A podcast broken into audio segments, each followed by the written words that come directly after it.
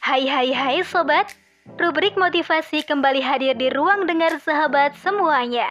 Tentunya masih bersama saya, Dewi Fitriana. Motivasi kali ini berjudul Merasakan Pahitnya Belajar oleh Maria Zawawi. Setiap guru mempunyai caranya sendiri dalam mengajarkan ilmu yang dimilikinya. Demikian pula masing-masing memiliki metode sendiri dalam mengevaluasi hasil belajar para muridnya. Ada yang memberi latihan dan langsung menunjukkan letak kesalahan dari jawaban muridnya yang salah. Namun ada pula yang tidak. Ya, seperti ustazah yang mengajar kami bahasa Arab. Tugas yang kami kerjakan di Facebook akan beliau koreksi satu persatu. Uniknya, saat mengoreksi, beliau akan memberikan emoji jempol jika jawaban kami masih ada yang salah. Nah, jika jawaban kami sudah betul semua, beliau akan memberikan emoji super love. Tidak lupa, beliau mendoakan kami agar mendapatkan keberkahan dari Allah Subhanahu wa Ta'ala. Uniknya lagi, beliau tidak menunjukkan di mana letak kesalahan jawaban kami. Nah, beliau hanya menuliskan seperti ini. Barokallah, masih 11 kesalahan. Setelah kami memperbaiki pekerjaan kami dan masih ada yang salah, beliau akan menulis lagi seperti ini. Barakallah, masih ada lima kesalahan. Maka kami harus memperbaiki lagi hingga beliau memberikan tanda super pada hasil pekerjaan kami. Kadang-kadang kalau kami sudah berusaha mencari kesalahannya, tapi belum juga menemukan, kami akan minta petunjuk dari beliau. Nah, kalau kami sudah mengatakan kalau kami menyerah, beliau baru memberikan petunjuk. Selama kami belum menyerah, beliau hanya menyebutkan saja jumlah kesalahan kami. Namun, itu tidak berlaku saat beliau mengoreksi pekerjaan kami di Zoom meeting. Beliau akan langsung menunjukkan letak kesalahannya. Suatu ketika, beliau menyampaikan alasan kenapa beliau melakukan itu.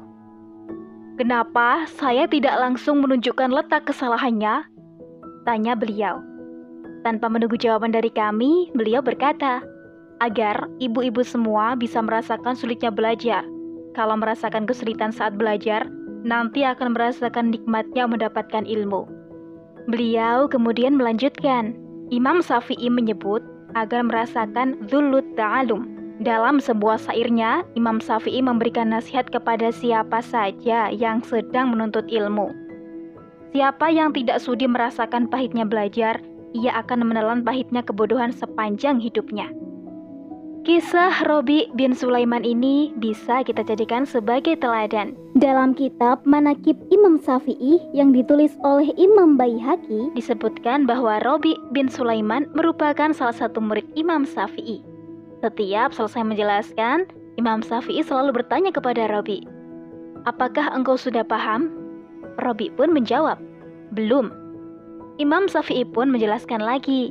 Namun Robi bin Sulaiman pun belum juga memahami pelajaran yang disampaikannya. Imam Syafi'i pun mengulanginya hingga 39 kali.